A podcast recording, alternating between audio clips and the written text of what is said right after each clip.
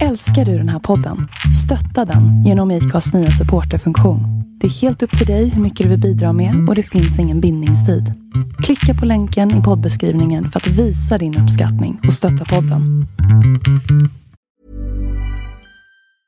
I'm Sandra, and I'm just the professional your small business was looking for. But you didn't hire me because you didn't use LinkedIn jobs. LinkedIn has professionals you can't find anywhere else, including those who aren't actively looking for a new job but might be open to the perfect role, like me. In a given month, over 70% of LinkedIn users don't visit other leading job sites. So if you're not looking on LinkedIn, you'll miss out on great candidates like Sandra. Start hiring professionals like a professional. Post your free job on linkedin.com/people today. Klockan är 13.08. Och det är dags för poddinspelning. I den angenäma lokalen av Lövstakyrkan. Förra veckan var ju du knappt hemma. Överhuvudtaget. Du var ju och, och, och nere i Skåne och du var i Stockholm och du var i... Säkert i Aneby också. Eller något sånt. Du var väldigt lite i trakterna kring Småland. Mm, ja, jag kan hålla med dig. Det är ju ingen eh, statshemlighet, inget revolutionerande över det. Nej. Det hade varit ju jättedumt mig att nämna det ifall det var det. Om det hade varit fara för rikets Ja, ja. säkerhet och sånt där. Berätta vad du gjorde. Eh, nej, det var bara sånt där som ska göras. Eh, besök på Migrationsverket i Malmö klockan nio på morgonen. Det kräver ju att man åker dagen innan för att vara där vid nio. Om man inte vill gå upp klockan tre på natten. och åka. Så nej, det var sådana här små saker som är stora saker ifall man nu inte har vare sig bil eller körkort eller någon kunskap om E4. Men det, det var trevligt, det var bra. En man som inte har permanent uppehållstillstånd och hans fru som har permanent uppehållstillstånd. Det kan bli så ibland. Skulle dit ner för en intervju och med advokater och allt det där, du vet. Och då var jag och hustrun, hans hustru alltså. Eh, vi var med, eller jag körde. Hon körde förresten. Hon är rätt duktig på att köra bil. Hon körde långa sträckor på E4. Och sen var vi där nere. Och han gjorde det han gjorde. Fyra timmars intervju ganska ingående. Alltså man kan inte sitta och lösa korsord i fyra timmar. Utan det här är intervju med skjutjärn. Har lite grann att göra med att man konverterar inte från en religion som har som är dödskallemärkt för konvertiter till en annan utan sådär vidare. Så då blir det desto längre intervjuer för då är det så mycket som står på spel. Men en bra intervju, ingenting är färdigt, ingenting är klart. Ingenting är bestämt, men det lutar åt rätt håll tycker jag nog.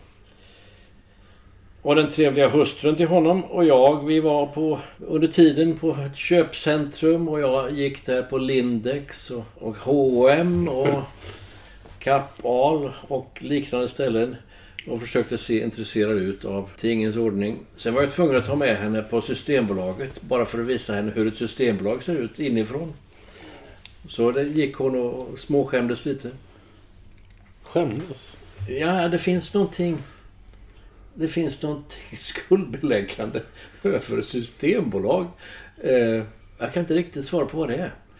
Min fru skulle kunna hålla med mig 100%. Hon kan knappt gå förbi Systembolaget utan att titta bort i ett annat skyltfönster. Det finns någonting, det är mycket svenskt. Någonting skuldbeläggande över själva Systembolaget. Eh, så det var vad jag gjorde. Och sen var jag i Stockholm på... Ska jag berätta vad jag gjorde här? Ja, Det är ju inte ett dugg intressant. Eller så kanske det är det. det var i alla fall frågan. Ja, Malmö. Malmö på torsdagen. Avfärd på onsdagen. Stockholm på lö- fredag och lördag. Det var inte ens Stockholm, det var Enköping när jag tänker efter. En ort jag aldrig har besökt. Mycket, mycket trevligt, mycket fint. Det var nämligen styrelsemöte i en missionsorganisation som heter Ljus i Öster. Inte en sån där dagslända. Startade 1903. Den har funnits i 116 år och är fortfarande mycket aktiv och i samma anda och samma outspädda mening som den startade. Att bringa ljus till länder i öst. Under stor del av 1900-talet så innebar ju det Sovjetunionen och satelliter men nu innebär det efter Sovjetunionens kollaps centralasiatiska länder som de har knappt hört talas om eller mer eller mindre självstyrande delrepubliker som man hellre eller ännu mindre har hört talas om. Dagestan. Hur många gånger kring och funderar på Dagestan? Sådär dagligen. Samtliga muslimska länder. Och de helt normala arabländerna, iranska, afghanska länderna plus Kina och Nordkorea. Där har det ljus i öster. Jättespännande och det är i all synnerhet väldigt spännande att ta del av rapporter. Och då är det inte fråga om ett kassettband som skickas med vanlig brevbäring. Det är inte fråga om ett brev som skickas för att sedan läsas upp i någon samling där människor samlas för att be till Gud. Det är fråga om mejl och sekundsnabb överföring. Det här är källor till saker som händer i Nordkorea som Ljus i Öster och andra liknande missionsorganisationer har och levererar innan CNN har det. Innan BBC kommer i närheten av det som händer i de här länderna. Sånt är lite spännande att vara med på ett hörn. Inte för att jag gör så mycket, jag sitter i den här styrelsen och har lite synpunkter. Eh, men fantastiskt. Sen var du i Helsingborg också. Ja, det var ju innan Malmö. Ska vi ta det med? Det var ju... Jag besökte min dotter Klara i Helsingborg och hennes man. Bara för att vi skulle ha ett stopp innan Malmö. Så vi slapp åka så tidigt på, på, på fredag morgon. Eller eh, torsdag morgon. Och eh, besökte Klara som med sin man är en spännande duo. De tillhör något som heter Pionjärkyrkan i Helsingborg. Och är just vad det är. En etablering av en kyrka, inte i oplöjda marker. Det finns kyrkor i Helsingborg och i Skåne. Men det är nästan lite... Burlövs kommun till exempel utanför Malmö har ungefär samma kyrksamhet som Saudiarabien. Mm. Ja, så är det faktiskt. Vi kan högt räkna i promillen. Staffanstorp likadant. Eh, så Skåne är ett missionsfält. Det är det verkligen. Där håller de på med en församlingsplantering ifrån noll och till 30-40 medlemmar på några år. Det är ganska bra. Och spännande arbete. Duktiga människor. Allihopa som är där. Så där var vi.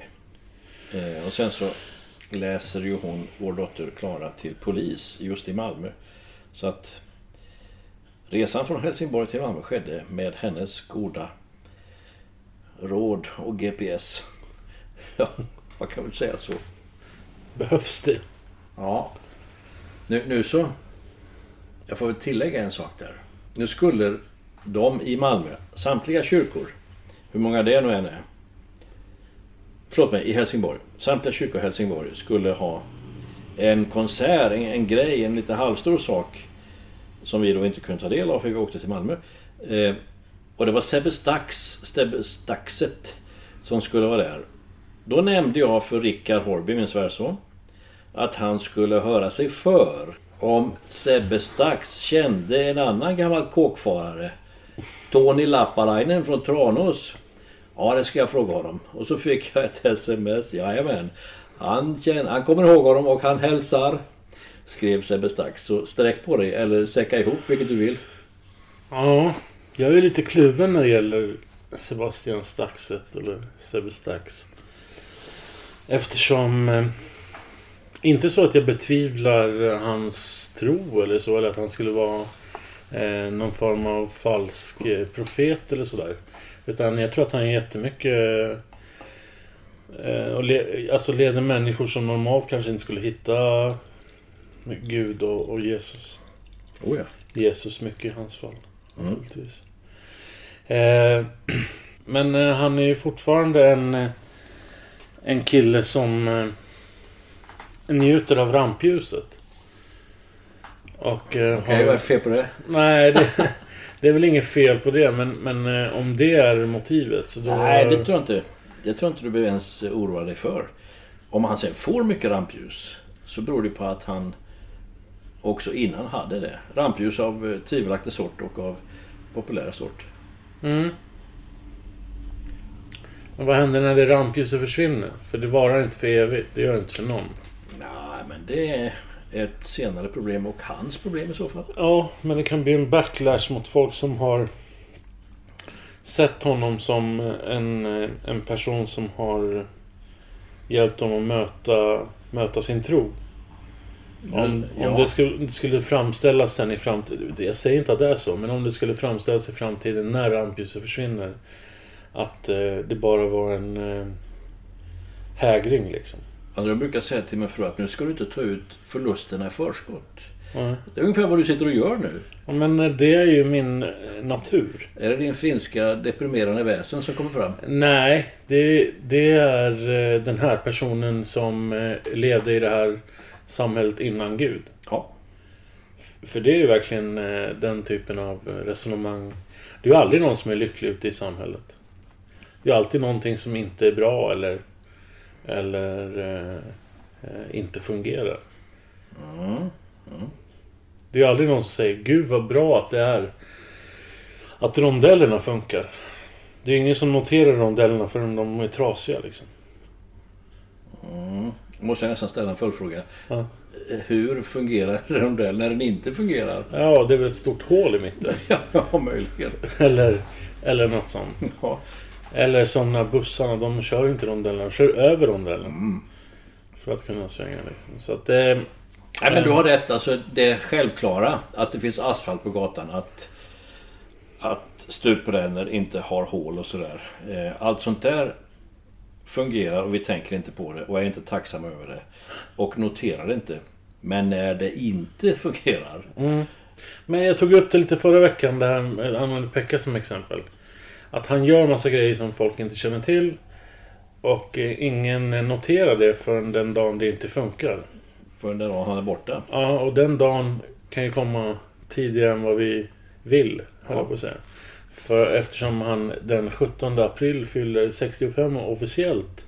Det är nästan så att han inte ens vill eh, kännas vid att han är 65. Nej, men ändå så verkar han på något sätt längta dit. Det är någon, det är någon sån här dubbel... Ja, eh, ja, ja. Pryl. Men nu har ni lovat att han ska vara kvar ett år till. ja Så att med vi, vi, står inte och faller med det. Men det kommer att komma den dagen när vi inser hur mycket smågrejer han har gjort Ja, ja, ja. som ingen ser. Förrän det inte fungerar. Och så kan jag känna också när i, i min uppgift att hålla på med det digitala. Att om inte predikan kommer upp när den ska upp så... Så... Får du höra det? Ja, även av, från sådana som aldrig lyssnar på det. Ja. Men som bara förväntar sig att det ska finnas där. Jo, men det är inte något... eh, Det är inte så tokigt. Det är en ganska bra strävan. Mm. Även om jag aldrig lyssnar på en inspelad, på minne upplagd predikan. Så ska den finnas där. Ja. Oh ja. Och det finns egentligen inget negativt i det. Menar att det hakar på eh, och du får lite mer att göra och... Nej, men alltså jag har inte så mycket att göra egentligen. Det är bara det att de grejerna som jag gör syns väldigt mycket. Ja. Och eh, som, som eh, hemsidan slutar ändå fungera, då märks det ganska snabbt Ja. att, eh, att den inte fungerar. Och eh, då blir man ju naturligtvis mer utsatt än, än någon som sköter en städning eller proppskåpet eller, eller sådär. Plockar eh, fimpar utanför eller sådär. Billy Graham var i Göteborg 1973, tror jag det var. 74 kan det ha varit. Det var en stor sak, det var mycket hålligång och det var i Skandinavium. Det var säkert jättedyrt. Dels att hyra Skandinavium, dels allt kring. Eh, så får han en näsvist ställd fråga av en reporter utav vänsterkaliber på 70-talsvis. Om allt det här är värt denna mötesserie. Om det nu var över en vecka bara eller över en helg, jag minns inte. Bill Graham var alltså en kort liten sak här i Sverige och i Göteborg. Jag var själv inte där. På inget sätt. Jag var nog inte ens intresserad. Och så var frågan. Alla de här resurserna ni lägger ner på denna korta stund, denna korta period. Är det värt det? Om en människa vinns för Guds rike är det värt det. Nästa fråga svarar Billy Graham utan att vara provokativ och uppretande och sådär. Eh, Journalisten frågar, jag tror han var från Expressen, tappar målföret och det blir inga fler frågor annat än snälla frågor och, och sådär. Det där påminner mig lite om en bra och vettig hemsida. Om den vinner en människa för Guds rike eller välkomnar en människa in i Guds hus. Är det värt det jobbet? Det är inte jättedyrt, det är det verkligen inte jämfört med att hyra Skandinavium. Ja visst är det det. Visst är det värt det. Och du har redan inkasserat en som bara av hemsidans blotta väsen har kommit hit. Sånt där kan ju vara... Åtminstone man kan ha som i bakfickan. Jo, nej men det är klart att det är jätteviktigt. Det är ju bara det att det är, i, i sådana här sammanhang så handlar det mycket om att få folk att förstå att det är viktigt. Alltså en, en person som är medlem i församlingen eller som ofta är här går ju väldigt sällan in på hemsidan för att eh, få information. Då får man ju Ja. så här från grannen eller, eller något sånt där. Ja, det vet man ju ändå. Eh, däremot så, så är det ju en... Eh, liksom en public service-grej nästan. Ja. Lite grann som mackarna som säljer cigaretter. De tjänar ingenting på det. Men de får ju mer försäljning för att folk Mm. Ja, kommer dit ja. för att köpa cigaretter. Precis som alla affärer och allt sånt där. Och, och, och så får man väl se hemsidan som ett så här public service-verktyg. Som på något sätt lockar folk att göra annat här.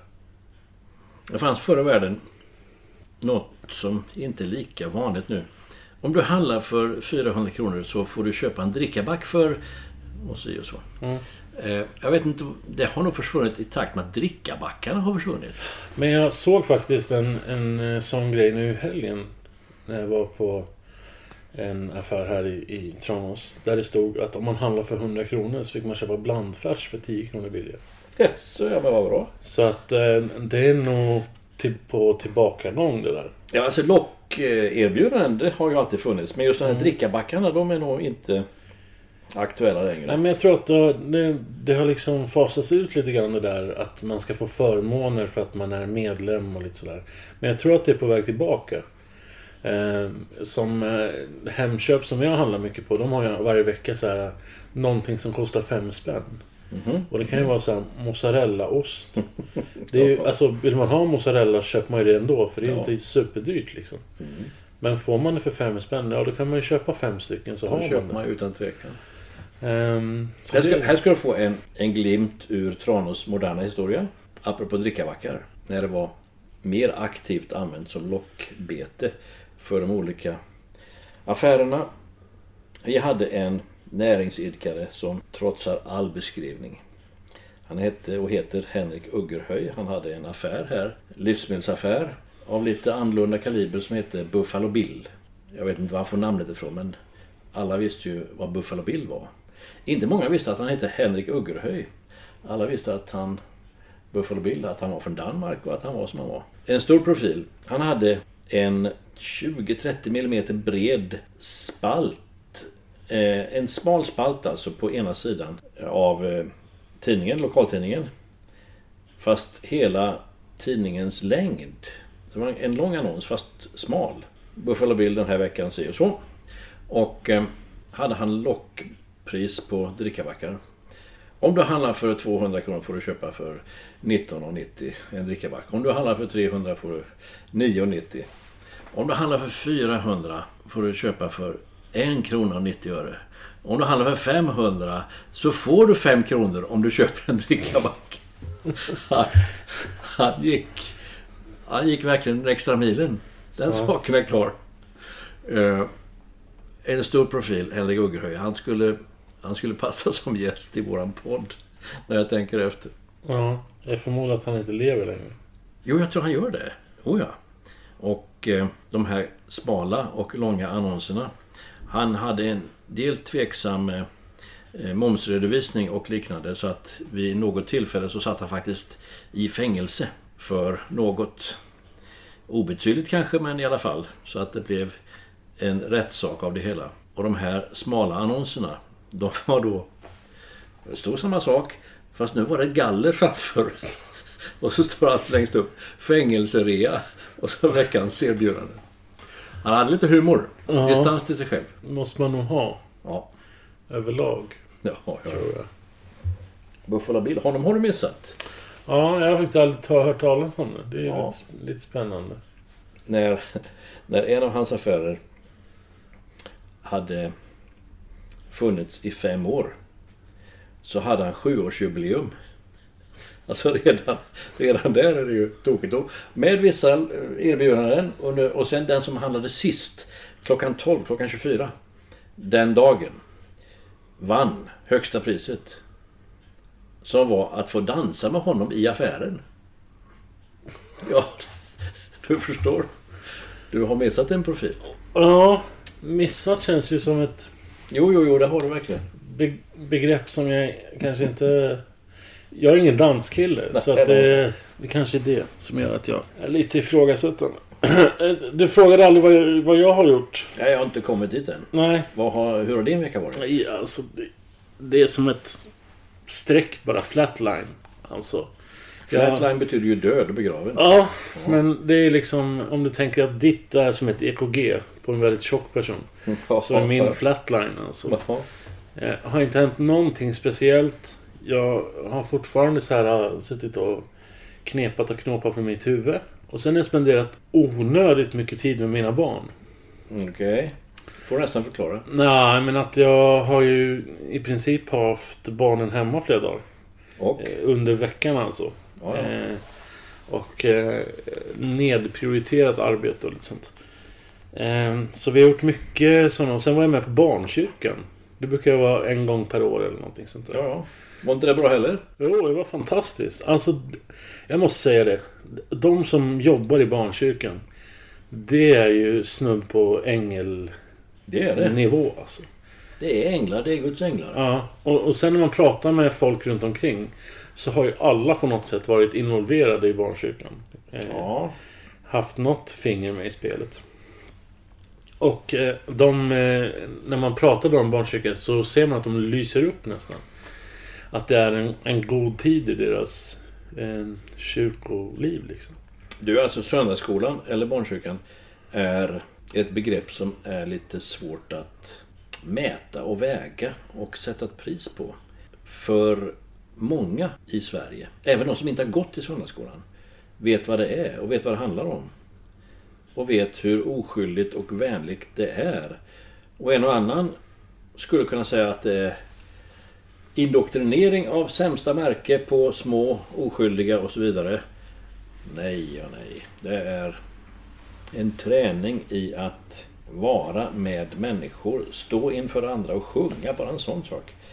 Eh, stå inför sina egna i samma ålder och prata eller sjunga eller säga en rolig historia. Det är en träning som heter duga. Alltså jag kan säga så här att man behöver faktiskt inte vara djupt troende eller troende överhuvudtaget som förälder för att ta med sina barn till sånt. För Nej. det är inte... Det är som en sagostund, den lilla stund som man pratar om, om Jesus och det Jesus gjorde. Ehm, eh, Utan att få det att bli negativt. Sagostund, ordet alltså menar jag. Ja, ja. Alltså det är eh, som att eh, de lyssnar på saga i, på förskolan liksom. Ja. Så det är inget som prackas på någon eller så. Och sen eh, får de pyssla liksom. Och, och det som, som igår, då gjorde de fina kort där det stod vad de var tacksamma för. Och så jag menar, det kan man ju... Man kan ju vara tacksam utan att vara troende liksom. Ja, ja, ja. Eh, Så, så jag tycker nog att, eh, att barnkyrkan och söndagsskola har fått oförtjänt mycket skit genom åren. ja. Sett till vad det egentligen är. Och att det präglar på ett eh, lite tillbakadraget sätt. Mm. Och sen så gör de, på no- alltså barnkyrkan gör på något sätt ett arbete som föräldrarna annars skulle fått göra. Ja. Eh, eh, Man lär barnen grunder eh, om tacksamhet, om kärlek och hur man ska bemöta människor och vad som är viktigt och vad som inte är viktigt och sådana saker. Eh, Hade jag suttit i någon sorts kommunstyrelse så hade jag eh, direkt sett till att, att kultur och fritidsnämnden skulle på något sätt bejaka de här olika söndagsskolorna i, i, i kommunen. För det är ju liksom gratis på riktigt. Ja, vadå menar du? Bejaka? Eh, Nej men se till att eh, man integrerar sin kommun i, i de här olika barnkyrkorna, söndagsskolorna och de verksamheterna överhuvudtaget. Nej, Alltså- det går inte. Nej, jo det är klart att det går. Det är Men- inte bra. Nej, Eller hur tänker du? jag tänker att, att eh, eh, det finns otroligt många barn som är med i kommunens olika aktiviteter. Ja. Men inte på söndagar.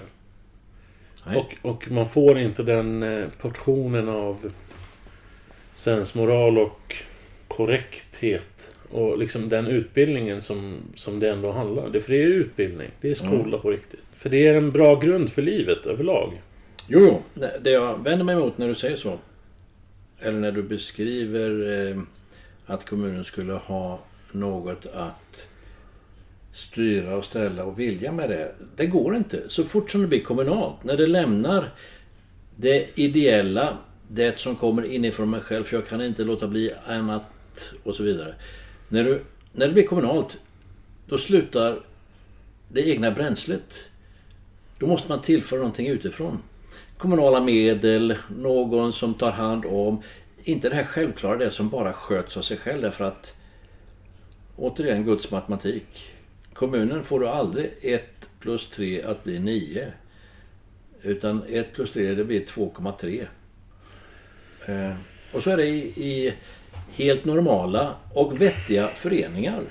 Mm. Nej men alltså jag menar inte att, man, att de ska gå in och, eh, och, och styra verksamheten. Utan bara bejaka att den finns. Och Ja. erbjuda den till sina eh, kommunmedborgare. Som man erbjuder öppen förskola. Som man erbjuder... Liksom, det är inte de som bedriver den. Men det bedrivs i deras kommun. Och därför borde vi liksom lyfta upp den. Lite det. Ja, då är Eh. jag lite med på noterna. Eh, och eh, det får man osökt tänka på Greta Thunberg som jag pratat om tidigare. Ja. När hon för ett år sedan eh, tog in eh, sin fot i rampljuset så var det helt omöjligt det hon gjorde. Mm. Nu är hon nominerad till Nobels fredspris och, och helt plötsligt det hon säger finns det någon sorts relevans i liksom. Och lite, lite så ser jag det. Att, att det är... Det känns otänkbart att vi ska få tillbaka bibelkunskap i skolan. Det känns otänkbart att eh, vi ska få kommuner att stötta kyrklig verksamhet och eh, framförallt frikyrklig verksamhet. Men det är bara för att vi är fast i det tänket som vi befinner oss i idag. Att den, alltså det finns ingen direkt vision. Men det, alltså, det är inte bara otänkbart att Sveriges kommuner skulle stödja i all synnerhet frikyrklig verksamhet. Det är meningslöst och korkat också. Om man skulle ha saker serverade eller tillrättalagda ifrån kommunalt anställda goda individer. Då blir det samma dåliga matematik igen. Då går det inte. Fast bara om man utgår från hur saker och ting skulle vara ifall vi bara bestämde oss en, en dag till annan att så här ska vi göra. Men det här är ju någonting som liksom sakta får växa i, i varandra. Ungefär som, som att eh, vi slutade med bibelkunskap i skolan på 60-talet. Sakta gled ur, ur det liksom. Eh, jag tror att det är helt nödvändigt att, att eh, samhället och eh, liksom kyrkans värld möter varandra igen. Ja, ja, jag är inte jättesäker på att kristendomskunskap, så heter ämnet, sk- skolämnet alltså, ens är särskilt bra att få tillbaka. Eh, Nej men det, det tror inte jag heller. Jag tror inte att... eh, Men det är också för att vi tänker från, utifrån idag. Vad skulle vi idag kunna få tillbaka? Ja men då är det kristendomskunskap. Det är inte relevant. nej. Men, men det, jag tror ändå att det är nödvändigt för kyrkan och ordinarie samhället att närma sig. För annars så blir det helt... Nej, inte omöjligt, men det blir betydligt svårare för oss att, att eh, få människor att upptäcka Jesus och det Jesus står för. Liksom. Mm, För idag finns det sån, sån stigma i det liksom, på något sätt. ja, det gör det. Eh, en kollega, en ung man, inte särskilt religiöst lagd. Om jag nu ska döma hunden efter håren. Han kastade ut en fråga på lärarrummet för någon tid sedan. Och då sa han så här. Vad är bästa platsen för kvinnor, flickor? Och vi andra som hörde på, vi visste inte riktigt vart han var ute efter. Vad är bästa platsen på jordklotet för kvinnor, sa han igen. Ja... Ingen aning. Jo, i kristna länder, sa han sen. Jaha, jag visste inte riktigt vad han var ute efter. På sätt och vis kunde jag hålla med honom. Rättare sagt, jag kunde hålla med honom 100%. Utan att ens tänka mig för. Men jag var lite fånig och sa, ja men du vet... Eh, nu finns det inga kristna länder, det finns bara kristna människor. Ja, ja, men du vet vad jag menar, sa han. Han försökte avfärda min redan dåliga protest, vilket han gjorde rätt i. Var i världen finns det... Nu, nu häller Tony upp kaffe bara för att vara irriterande. Nej, absolut inte. Fortsätt. Den bästa platsen för kvinnor, det är kristna länder. Eh, ja, då så ska han förklara det då. För att här, han menar i västvärlden snarare. Västeuropa och västvärlden. Här kan de då gå i skolan, slipper eh, springa och hämta vatten på morgonen och eh, styra och ställa med allt vad köket har. Och i, i brist på kök, någon håla i golvet och elda och hämta ved. Och under tiden som bröderna till dessa systrar ingenting gör. Och männen till dessa fruar gör ännu mindre. Och det var inte så konstigt tänkt och så där ser verkligheten ut för större delen av jordens befolkning. Mm. Så hans fråga, var i världen är det bäst för kvinnor? Jo, det är nog till exempel i Sverige och i västvärlden. Jag kan hålla med honom helt och hållet. Den vägen är ett sätt i, vår, i vårt nya samhälle med fler religioner. Jag tänker inte säga kulturer eller traditioner eftersom religion är kultur och tradition. Hur man än försöker fri sig från det. I all synnerhet när det gäller muslimska människor, människor från islamska länder. Utan religion, ingen kultur och absolut ingen tradition. Så när vi har mer av andras religioner i vårt eget icke-religiösa land. Då kan vi visa på hur pass mycket bättre det är att inte ha kvinnlig omskärelse, att inte ha flickor som är 14 år och som ska gifta sig om en månad. Att inte ha, det är ganska mycket att inte ha som dessa flickor och kvinnor, mormödrar i värsta fall, kan sträcka sig efter för att de befinner sig i något annat än sitt eget hemland. Där allt det här var lika självklart som att om det regnar blir du blöt. Så fullständigt självklart är det för stor del av dessa flickor och kvinnor i hunsade länder. Alltså, i mitt huvud blir problemet när en man sitter och eh, raljerar över vart kvinnor har det bäst. Det är ungefär som att en pappa ska berätta hur en förlossning går till. Mm. Det, det, alltså han är ju där, men du vet, han kan inte alls... Göra så mycket. Nej. Eh, det, det, är klart att eh, människor överlag har det bättre i eh, liksom välutvecklade länder som Sverige. Det, det, tror jag alla är tämligen överens om. Alltså att här där det finns demokratiska rättigheter och hela, hela det paketet. Eh, frågar man en eh, en syrisk kvinna så skulle hon säga ändå säga att jag, jag vill bo i Syrien om jag får. Jo, ja, det är självklart. Eh, så att, ja, det blir... Ja, det blir lite knasigt när man ska... När män ska uttala sig om kvinnor. Det hade varit vettigare om man pratat om män. Nej, det hade inte varit lika sprängkraftigt. Nej, men det är utifrån dem, det perspektivet han kan prata. Ja, men nu var han man min kollega, och nu sa han någonting om kvinnor. Alltså han ställde en överraskande fråga. Och kunde också då ge ett försök till grundsvar på mm. sin svepande formulering. Kvinnor har det bäst i kristna länder. Punkt. Mm. Eh, Människor har det bäst och, i kristna länder. Om nu kvinnor har det bäst så har ju förmodligen männen också det ganska bra. Det ja. tror jag. Ja. Och, men, men då får man ju vända på det. Alltså att inte, svaret är inte att ta hit alla kvinnor. Nej, nej, nej. Utan svaret är att, att sprida Jesus i alla andra länder. Naturligtvis. Och, men frågan är om han hade varit med på den? Om du hade... Nej, nej, nej. Han hade inte ens kunnat relatera till det. Mm. Här hade han en... en han har hittat ett, ett sånt där, en generalklausul. Detta gäller mm. alltid. Ungefär så. Quick fix. Ja, lite så. Och... Eh, Jo, ja, min, min gode vän han är inte ens särskilt kyrksam. Det är möjligt att han går när det är bröllop och dop för någon han känner, men inte mer. Men här tog han ju i.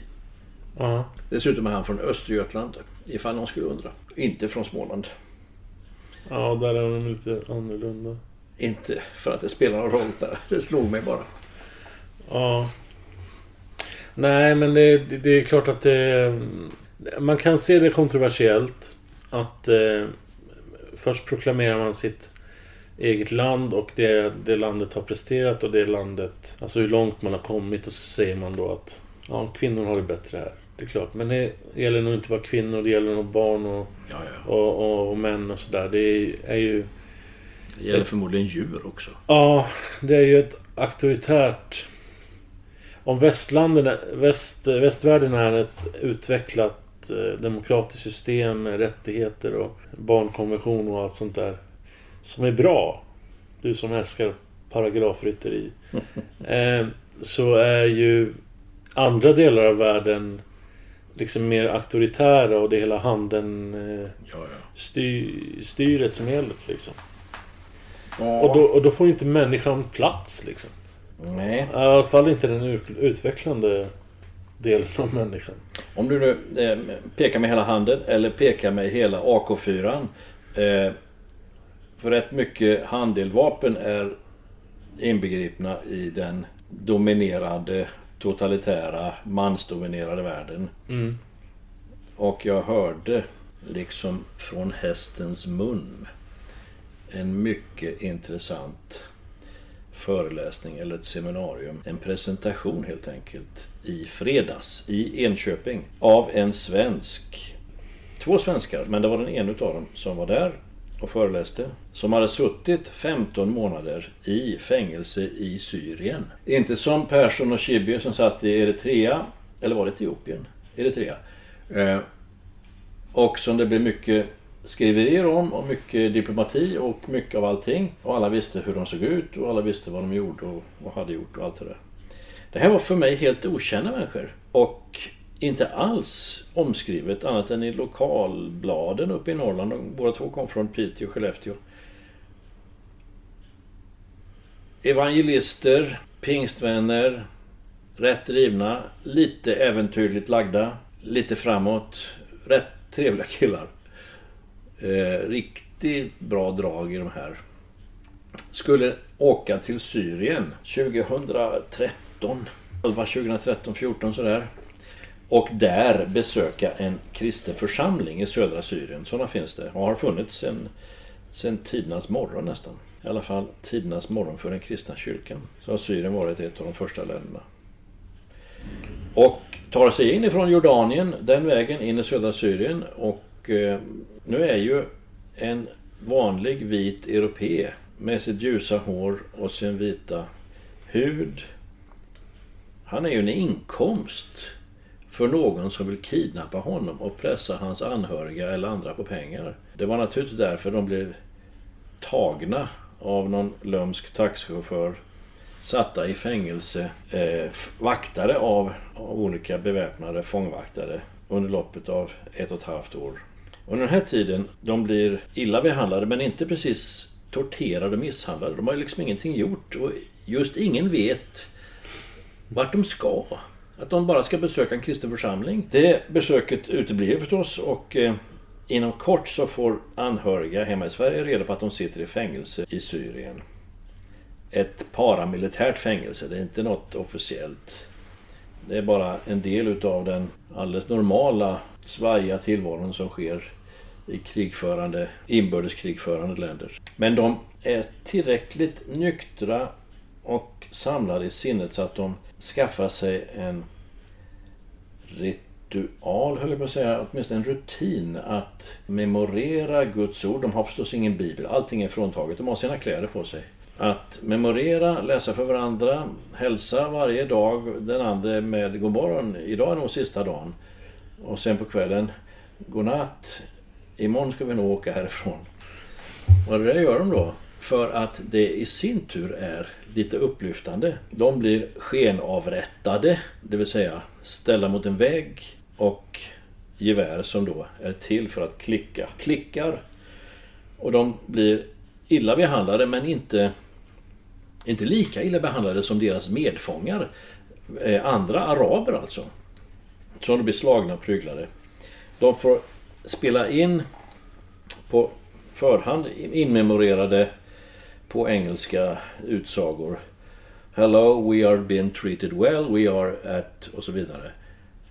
Och alla de där filmerna, videosnuttarna, visar han och visar bilder på deras eh, plågoandar. Men under tiden så vinner de fångvaktarnas förtroende genom att inte vara vrånga tillbaka, inte höja rösten, inte utan bara genom att vara som de kristna människor från Norrland de nu är. Så till slut så, är, vi går ut och går lite, säger en fångvakt. Och så går de ut och går utanför fängelset. Han kan ju vara säker på att han inte försöker svensken inte försöker rymma, sticka, utan han följer genast med tillbaka in igen. De pratar lite vänligt. De får prata om problem som fångvaktarna har i sina egna familjer. De får göra alltså rätt mycket som man kan läsa om på var och varannan sida i Apostlagärningarna. När Paulus är igång, när Petrus är igång, när Paulus och Lukas håller på. Det de får göra under loppet av 15 månader, det ändrar väldigt mycket på deras egna liv naturligtvis, sakta men säkert, och på omgivningens liv. Och till slut så blir det en ganska hög nivå diplomati förs hela tiden bakom kulisserna. Så att den tysta diplomatin som då Sverige är ganska känd för, eller omtalad för i alla fall. Den har sina positiva utgångar och det här var en sån. När det har gått, den tid har gått så blir de utväxlade.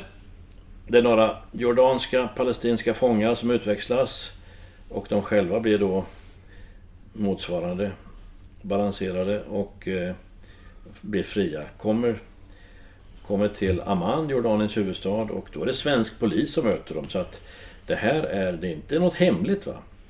Polisen i Sverige, i Stockholm och i, och i deras hemstäder, de, de är med på noterna sedan vecka två ungefär. Och är behjälpliga. Och även då på hemmaplan med de anhöriga. En stor eh, upplevelse att bara höra honom stå och prata om det här. Med glimten i ögat, utan bitterhet. Och se bilder i en powerpoint-presentation av honom själv där han då är något magrare och något mera ansatt och något mera annan blick i ögonen. Men här har Gud i himlen varit med dem.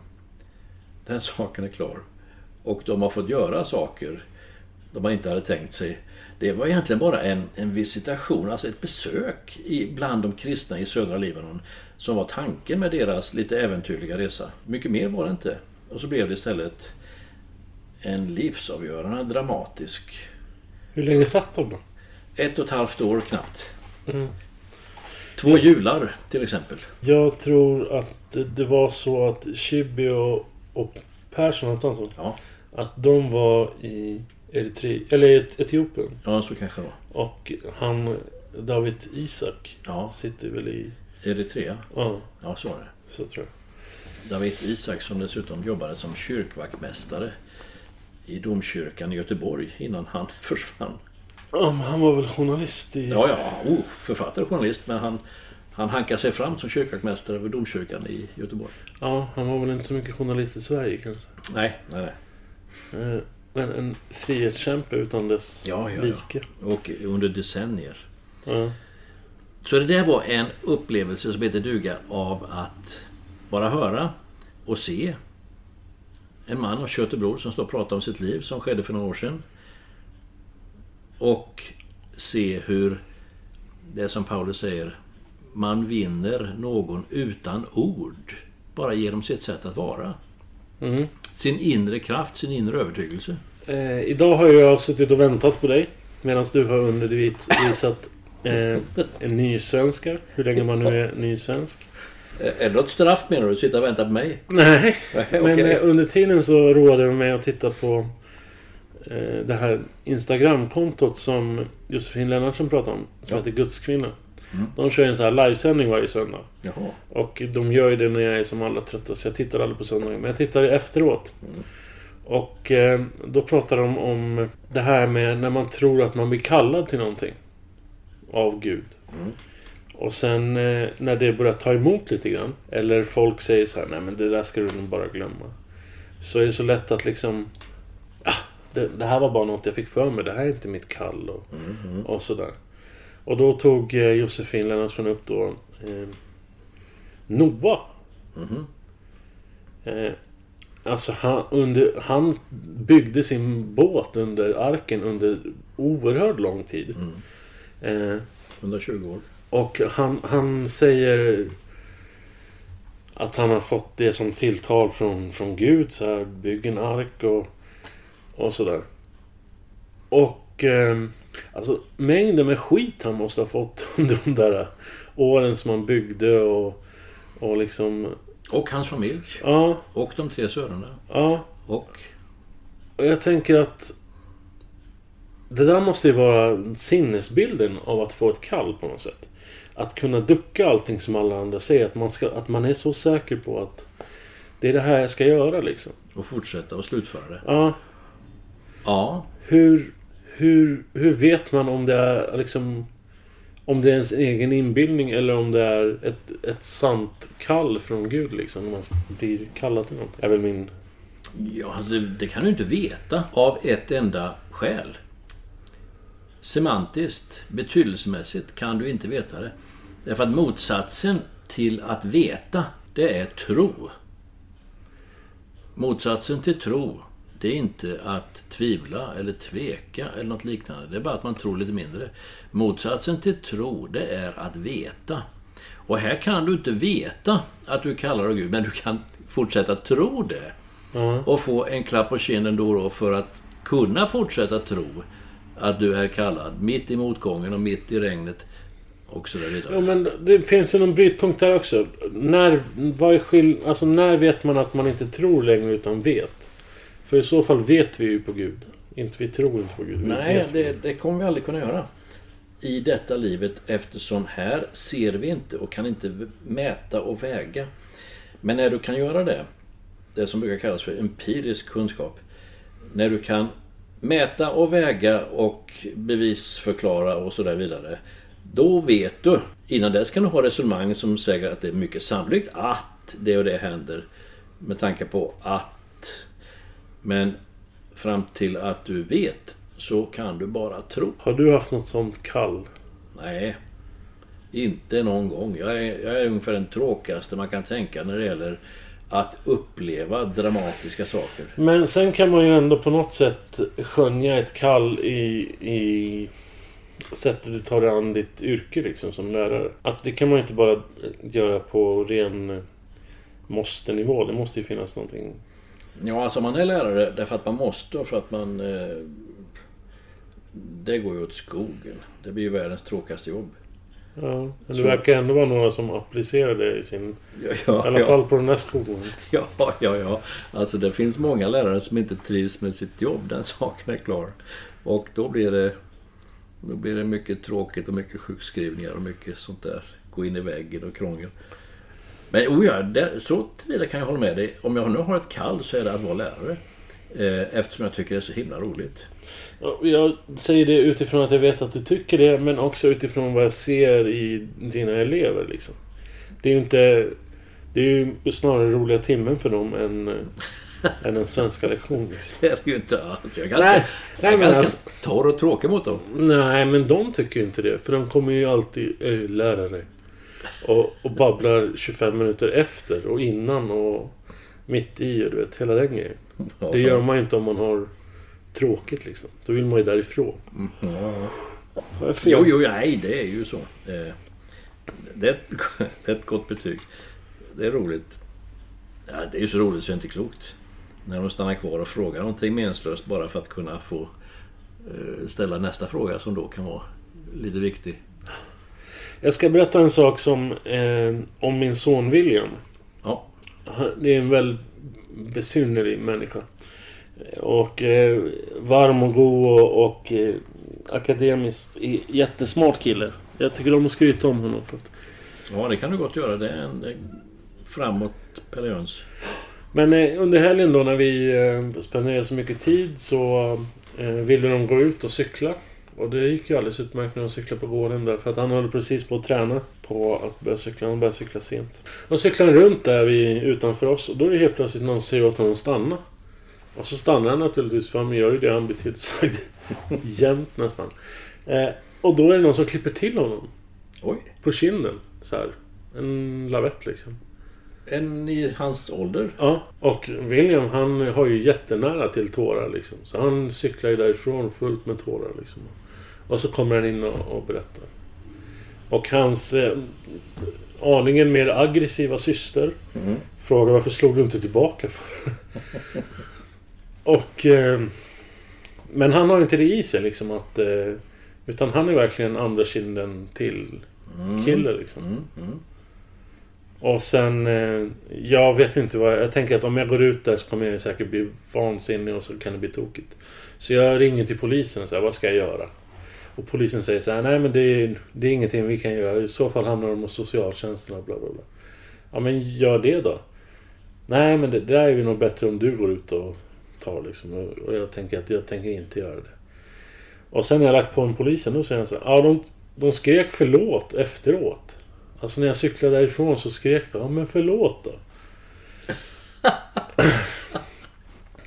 och då tänkte jag så här, Det Att- kunde du väl sagt innan? Ja, det kunde du ha sagt innan jag ringde till polisen liksom. Och då säger han så här, nej men jag tänkte inte på det. Och eh, det är inte så att han eh, medvetet har undanhållit det. Utan han tänkte verkligen ja, inte på det. ja, ja. Nej, det var ju inte det första du frågade. Sa de förlåt? Nej. Naturligtvis inte. Nej, utan hur mår du och vad hände och lite sådär. Eh, Men på något, alltså det är ju någonting med den där pojken som jag inte kan sätta fingret på. Men han... Det är ju som att han bär på någonting som han ska göra. Som jag inte riktigt vet vad det är än. Ja, du behöver inte veta det nu. Nej, men det är ju väl... Det hade varit underlättat om man hade vetat. För då hade man kunnat liksom behandla det som det. Nu blir det så här att man får gå lite så här... Ja, men vad är det? För att han har ju någon sån här supernaturlig kraft och vet exakt när han ska be för vissa människor. Och bön är superviktigt för honom. Och liksom, utan att jag, jag på något sätt har prackat på honom det. Ja, Eh, men han har gått i söndagsskolan. Ja, han har gått till söndagsskolan och han har haft eh, väldigt mycket kontakt med, med kristna människor över, över det senaste året. Och verkligen... eh, För honom är det naturligt allting. Mm. Och skulle vi någon gång försöka äta utan att be innan. så då får vi bassning allihopa från honom. Då Alltså. säckar han ihop.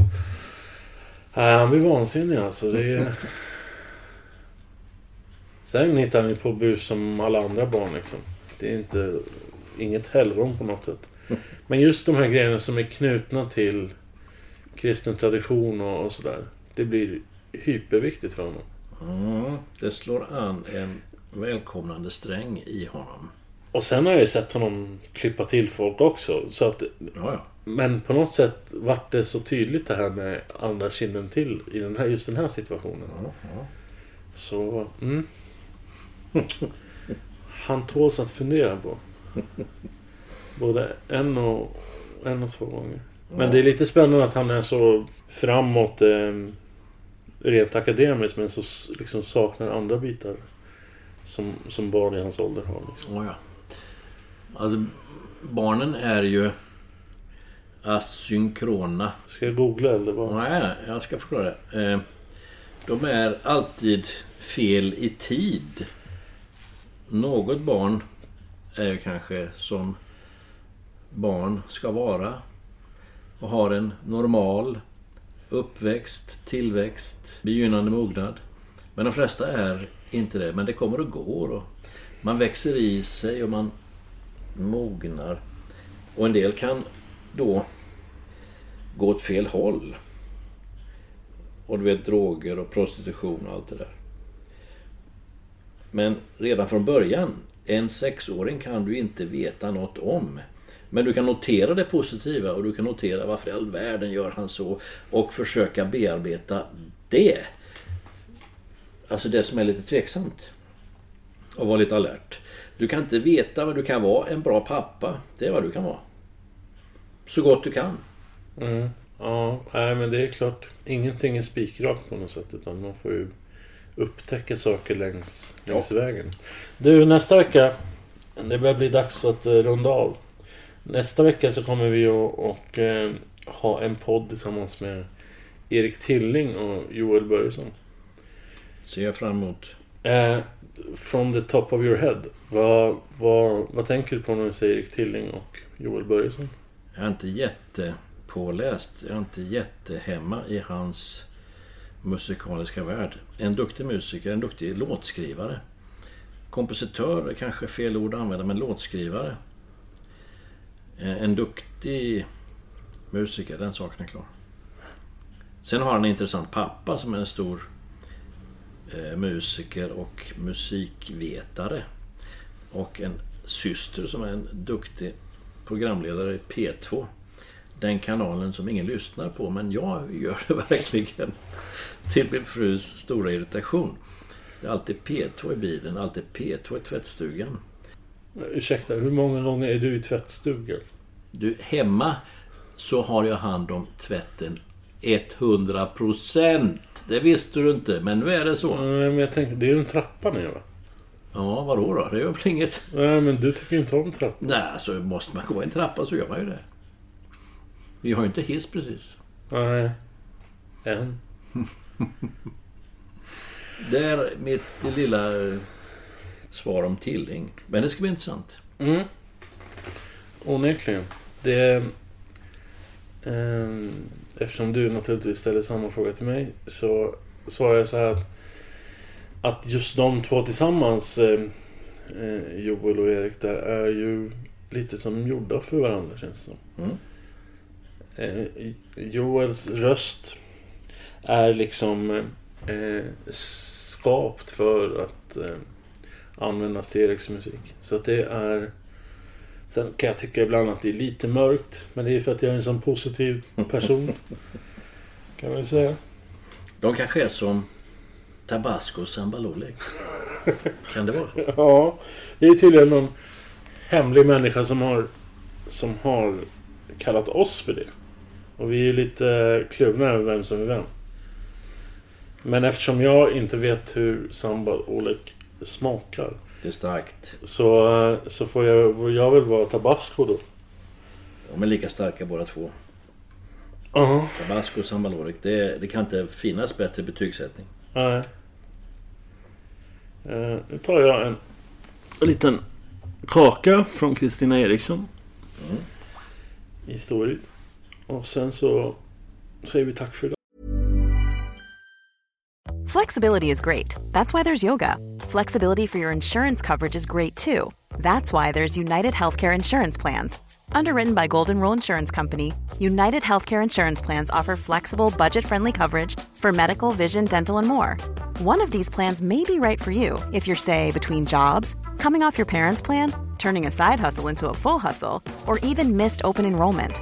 Want more flexibility? Find out more about United Healthcare Insurance Plans at uh1.com.